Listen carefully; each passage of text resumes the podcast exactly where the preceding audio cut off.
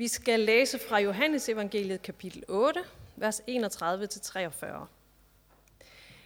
Jesus sagde nu til de jøder, som var kommet til tro på ham. Hvis I bliver i mit ord, er I sandelig mine disciple, og I skal lære sandheden at kende, og sandheden skal gøre jer frie. De svarede ham, vi er Abrahams efterkommere og har aldrig trællet for nogen. Hvordan kan du så sige, I skal blive frie? Jesus svarede dem, Sandelig, sandelig, siger jeg En hver, som gør synden, er syndens træl. Men trællen bliver ikke i huset for evigt. Sønden bliver der for evigt. Hvis altså sønnen får gjort jer frie, skal I være virkelig frie. Jeg ved, I er Abrahams efterkommere, men I vil have mig slået ihjel, fordi mit ord ikke når ind til jer. Jeg siger, hvad jeg har set hos faderen, og I gør også, hvad I har hørt af jeres fader. De svarede, vores fader er Abraham. Jesus sagde til dem, hvis I var Abrahams børn, ville I gøre Abrahams gerninger. Men nu vil I have mig slået ihjel, et menneske, der har sagt jer sandheden, som jeg har hørt af Gud. Sådan gjorde Abraham ikke. I gør jeres faders gerninger. Da sagde de til ham, vi er ikke uægte børn. Vi har kun én fader, og det er Gud. Jesus sagde til dem, hvis Gud var jeres fader, ville I elske mig. For det er fra Gud, jeg er udgået og kommet. Jeg er ikke kommet af mig selv, men det er ham, der har udsendt mig. Hvorfor forstår I ikke, hvad jeg siger? Fordi I ikke kan høre mit ord.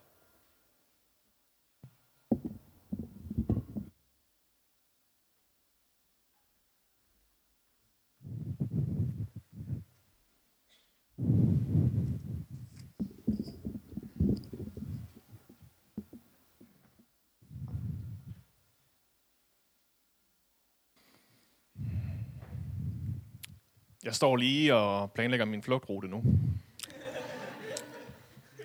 øh, jeg havde ellers rigtig glædet mig til at prædike for jer her i dag, men øh, så opdagede jeg teksten, øh, som er den, der ligger i tekstrækken til den her søndag, som kirkefædrene ligesom har betænkt. Hvad var en god, hvad var en god tekst at prædike over de forskellige søndage? Jeg synes, det er en virkelig, virkelig hård omgang, og vi stoppede endda, inden at den gik øh, helt amok. Øh, lige om lidt, så kalder øh, Jesus jøderne for djævelens børn. Og de skal ligesom få hende på et eller andet comeback, så de siger, jamen så er du en samaritaner, der er besat af en dæmon. Øh, så det er sådan ligesom det konfliktniveau, vi er på. Øh, og øh, jeg tror, altså man, man sidder tilbage og tænker, hold da op, Brøndby-fans og Greenpeace, de kan godt gå hjem her. Øh, det, er, det er ikke for sjov. Og det ender naturligvis med, at jøderne de vil stene Jesus. Og hvis jeg skal prædike over den her tekst troværdigt i dag, så skulle det faktisk helst være sådan, at I fik lyst til at gøre det samme øh, med mig, når, øh, når den her prædiken den er om. Så det er derfor, jeg lige planlægger min flugtrute. Øh, ja, hvorfor kunne det ikke bare være den barmhjertige samaritaner, eller, eller andet, en eller anden sød tekst, jeg fik. Sandheden skal gøre jer frie. Det er det, der er påstanden i dag. Et fantastisk udsagn. Og hele mit liv, så har jeg egentlig på en eller anden måde været besat af den her idé om sandheden. Jeg tror, det er derfor, at jeg egentlig sådan startede på teologistudiet. Jeg ville finde ud af, hvad der var sandt, og hvad der var falskt, og hvordan jeg kunne kende forskel. En af de første gange, jeg blev opmærksom på problemet, det var tilbage i min samfundsfagsundervisning i gymnasiet, hvor at min, min herlige samfundsfagslærer, han først introducerede ideen om, at, at måske var sandheden ikke altid objektiv. Og sådan til sidst, efter sådan et par timer, fik vi overbevist ham om, at bordet foran os fandtes. Men altså sådan ret meget længere end det, var det svært at komme i, i sådan øh, kampen for robuste, bevislige sandheder. Øh, I dag så er den filosofiske debat i virkeligheden fuldstændig aflyst. Fordi sandheden står foran os. Sandheden er blevet en person. Og i stedet så handler det om, om vi faktisk er villige til at acceptere den sandhed. Eller om vi hellere vil være fri fra at være fri. Men altså, hvem vil ikke gerne være fri? På det serbiske krigsmuseum i Beograd, der kan man studere hele Serbiens historie.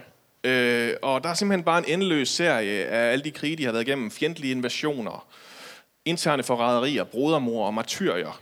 Øh, og det begynder i 1389, hvor vi har det store slag på Kosovo-seletten, hvor prins Lazar og hans mænd, de godt nok lider et nederlag, men et heroisk nederlag til osmanderiet, som, som forhindrer den her invasion. Og montre efter montre, så er der sådan et våben fra hvert øh, sådan hele den serbiske historie. Hvert årti er med. Men pludselig, så er der et hul. Fra 1991 til 1999, der var der ikke lige noget, der var værd at berette. Øh, 1991, så kan man se et gevær, som er erobret fra en illegal, illegal kroatisk partisan. Og så skal man helt frem til 1999, før man kan se en maskinpistol taget fra en albansk terrorist i Kosovo. Hvad skete der mellem 1991 og 1999? Den jugoslaviske borgerkrig. Og det var naturligvis en kompliceret størrelse.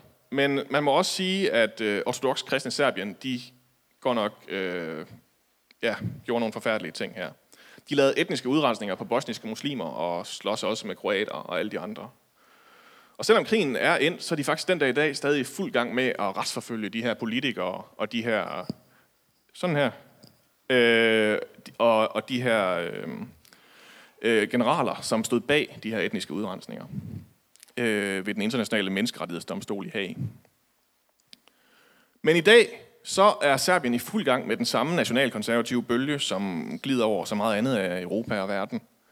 Og partierne Dveri og DSS, de mindes den her serbiske storhedstid, hvor drømmene øh, og drømmer om igen i dag at blive fri fra det amerikanske og europæiske tyranni, som lige nu er det, der holder den her stolte, stolte nation nede.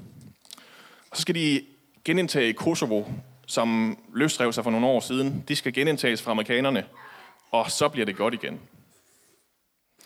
Øh, ja, det er nemlig også lidt en kompliceret størrelse, om de faktisk er besat af amerikanerne, eller om de selv løsrev sig. De rabiate serbere, de lider af det, der går galt, når vi lader os indhylde af løgnen i stedet for sandheden. En grov selvovervurdering, en dårlig hukommelse og en naiv sentimentalitet, sentimentalitet. Og så selvfølgelig en eller anden fuldstændig benægtelse af at lytte til alt, som ikke bekræfter det billede, man har. Confirmation bias kalder man det på filosofisk. Og øh, det gør, at man faktisk kun ser de argumenter, som giver en ret. Alt det, der kunne betvivle det, det forholder man sig overhovedet ikke til. Det gør alt for ondt at gøre. Det samme det er sket for jøderne. Da Jesus han tilbyder dem frihed, så er deres svar, jamen vi er Abrahams efterkommere, vi har aldrig trællet for nogen. Og bortset fra, at de fuldstændig misforstår, hvad det er for en frihed, Jesus han tilbyder, så er det faktisk heller ikke sandt. De har ikke lavet andet end at tralle. De har været slaver fra Ægypten, af Syrien, af Babylon og Rom. Øh, det er hele deres, øh, det største del af deres historie. Men det har de glemt lige nu, fordi det var ikke belejligt. Og selvom det kan virke som frihed, at komme hurtigt videre for alt det, der ikke var så rart at tænke på, ja, så er Jesu påstand, at det bare gør, at man bliver ved med at være træl og slave af den her løgn resten af livet. Ligesom jøderne er besat af deres familieforhold, at de er Abrahams børn, og serberne de er besat af den her idé om fordoms storhed, så bliver det, om det så egentlig er sandt eller ej, det er ligegyldigt. Til sidst bare noget, der kompagtigt holder fast, man, de kompagtigt holder fast i, for at undgå at stå nøgen over for den virkelige sandhed. Sandheden om, hvem de egentlig er, og hvad de egentlig har gjort. Og så tror jeg, det er ved at blive fornemt at forholde sig til serber og jøder og andre, der er nemme at, at pege fejl ud hos. Øh, nu bliver jeg nødt til at handle om os selv. Hvad er det for nogle løgne, som vi er slaver af?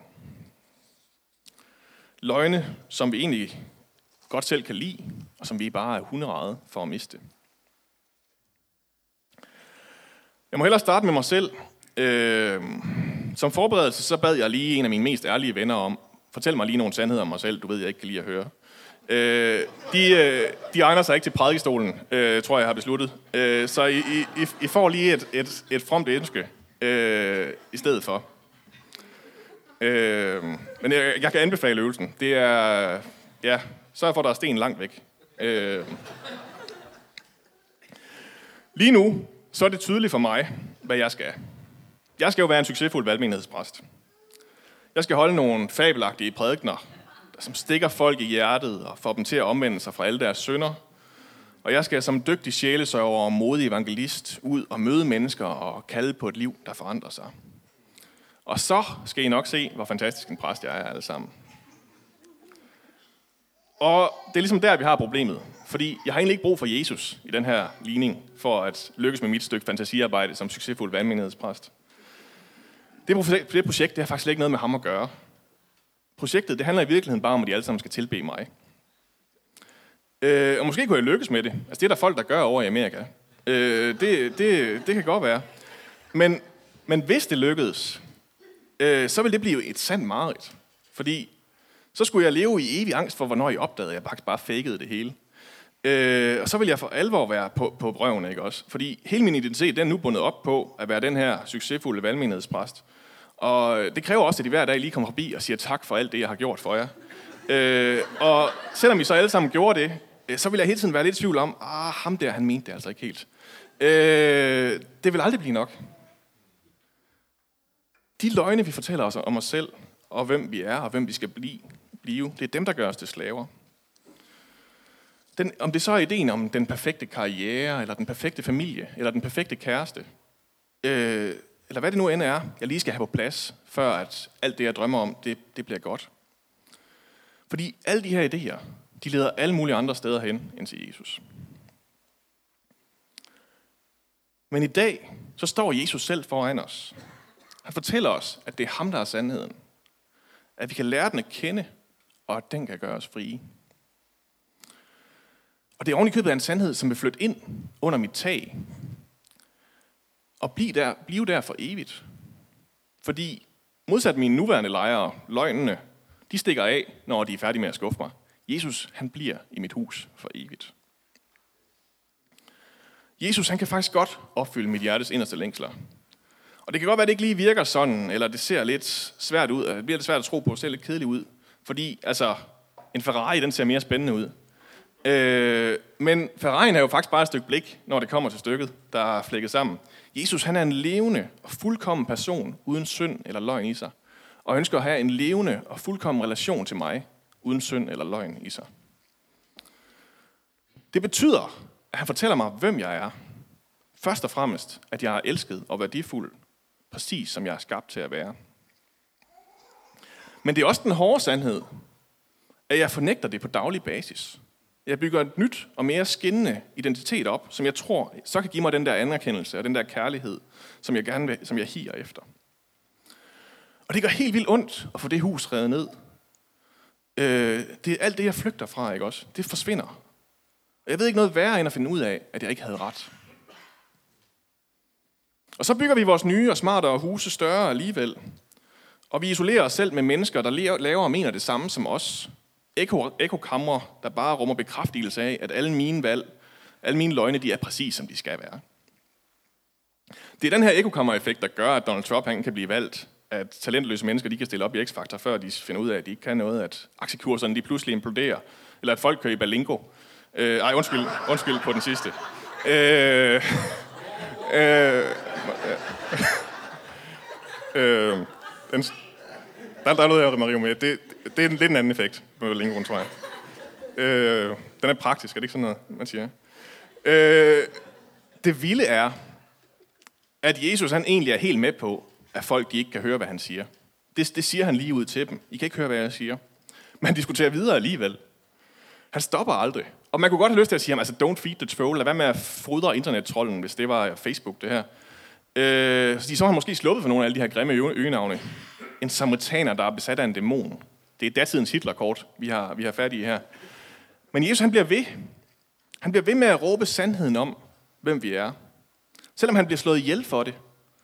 For det er i virkeligheden vores første indskydelse, når vi hører sandheden. Det er at slå den, der fortæller os det ihjel.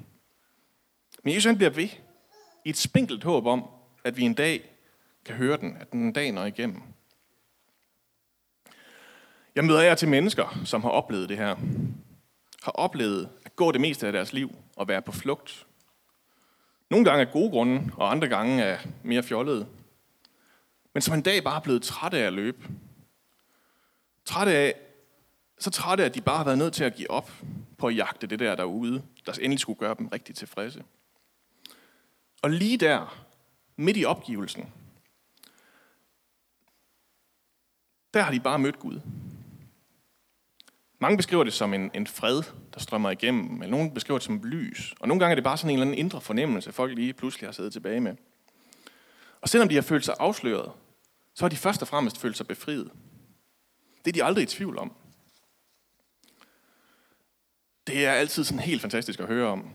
Øh, og selvom at de ligesom alle os andre sjældent er helt færdige med at løbe, så er, der, så er der noget, de ikke er i tvivl om igen. Og Jesus han får ikke lov at flytte ud af det hus der. Øh, igen. Ja. Jesus han flytter simpelthen ikke ud af det hus igen. Det var egentlig prædiken, øh, og det jeg tror, der var vigtigt at få sagt i dag. Men det kan godt være, at vi lige skal ned, helt ned på det lavpraktiske plan til sidst her. Fordi for alle os, der ikke lige sådan helt ved, hvad det er for et monster, vi øh, løber fra, eller hvad for en guldskat, vi øh, jagter efter, øh, som sådan er lidt på det jævne, så er det godt synes sådan lidt... Vi er ikke lige i kontakt med, hvad det er for en sandhed, vi har brug for at komme i kontakt med. Hvad kan vi lige gøre for at fordele den her sandhed, der gør fri? Det er Jesus nemlig også knivskarp på. Bliv i mit ord. Hold fast ved mit ord. Hør mit ord. Så skal I lære sandheden at kende, og sandheden skal gøre jer fri. Og altså igen, her tror jeg virkelig, at det er de færreste af os, der faktisk kan svare uforbeholdent og fuldstændig ærligt ja til, at vi gerne vil være frie. Øh, men hvis vi vil være frie, så er det Guds ord, vi må til. Guds ord, som det er åbenbaret i Jesus. Og her bliver det sådan næsten lidt kedeligt, øh, fordi det betyder, at vi må åbne vores bibler dag efter dag, lytte efter, hvilken sandhed der møder her, fordi den kan jeg ikke finde andre steder. Det betyder, at vi må bede til Gud og lytte til hans sandhed, som han fortæller mig om, hvem jeg er. Fordi den sandhed vil verden omkring mig ikke fortælle mig. Det betyder, at vi må søge fællesskabet med andre kristne, og der tale sandt og åbent og ærligt om, hvad Jesus siger om, hvem vi er.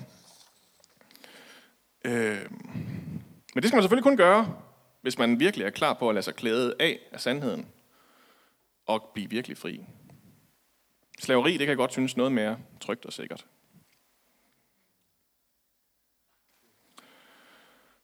Jesus, vi øh, beder dig om, at øh, du vil lære os at kende din sandhed. Sandheden om, hvem du er og hvem vi er. Jesus, når det kommer til stykket, så har vi slet ikke lyst til at møde sandheden og blive fri. Så vi beder dig bare om, at du sætter os i situationer, hvor vi ikke kan undgå det. Mød os med dit ord og flyt ind i vores hus. Amen.